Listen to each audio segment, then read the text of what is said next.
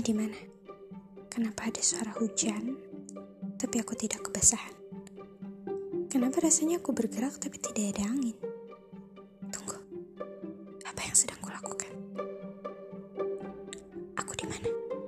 Kita sampai nona. Ah! Seorang pria berkumis bepelang itu melotot kaget. Aku langsung menghentikan teriakanku dan menutup rapat mulutku. Maaf pak, aku tertidur. Dia memutar bola matanya. Aku membuang pandanganku keluar jendela mobil. Air mengalir deras di kaca jendela. Hutan pinus sebagai bayangan sore yang tinggi dan dingin di seberang jalan. Lalu aku melirik ke kiri jalan. Tanah lapang. Alisku menyatu jadinya. Mengelutkan dahi. Aku bingung. Hmm, di mana ini? Sesuai alamat yang kau katakan, Jalan Adverson nomor 77.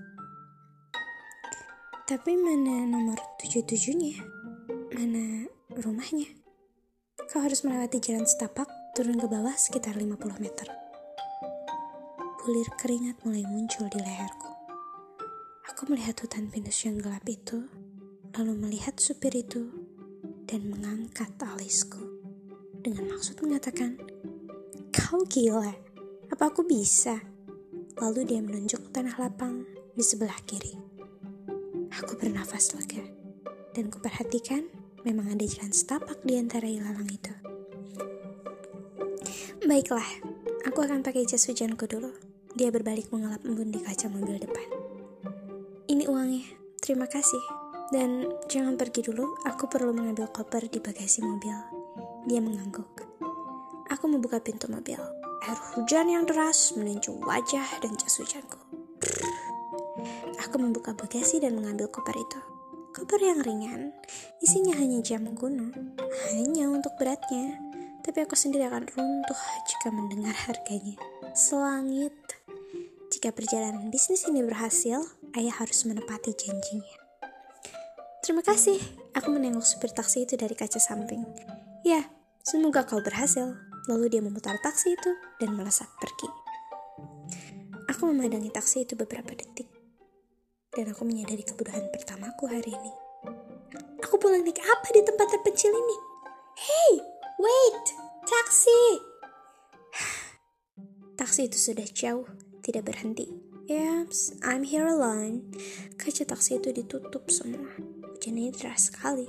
Siapa yang akan dengar aku? Bagus, tidak ada. Aku tersenyum.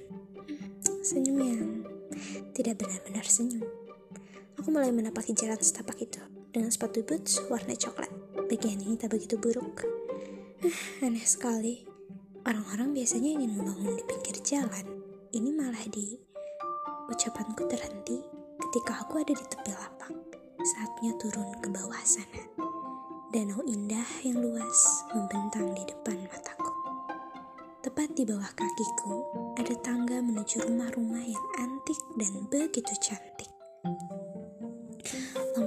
Kuning di teras rumah menambah riasan tempat yang mendung ini. Ada perahu-perahu mengambang, naik turun di atas riak air danau menjauh di seberang rumah-rumah.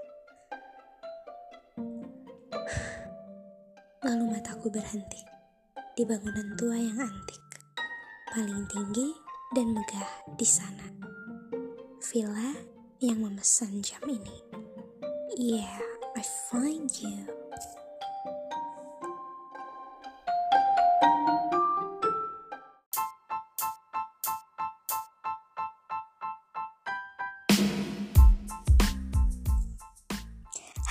Kenalin, aku Rika Salsabila. Di podcastku ini, aku akan ceritakan cerita-cerita yang kubuat sendiri.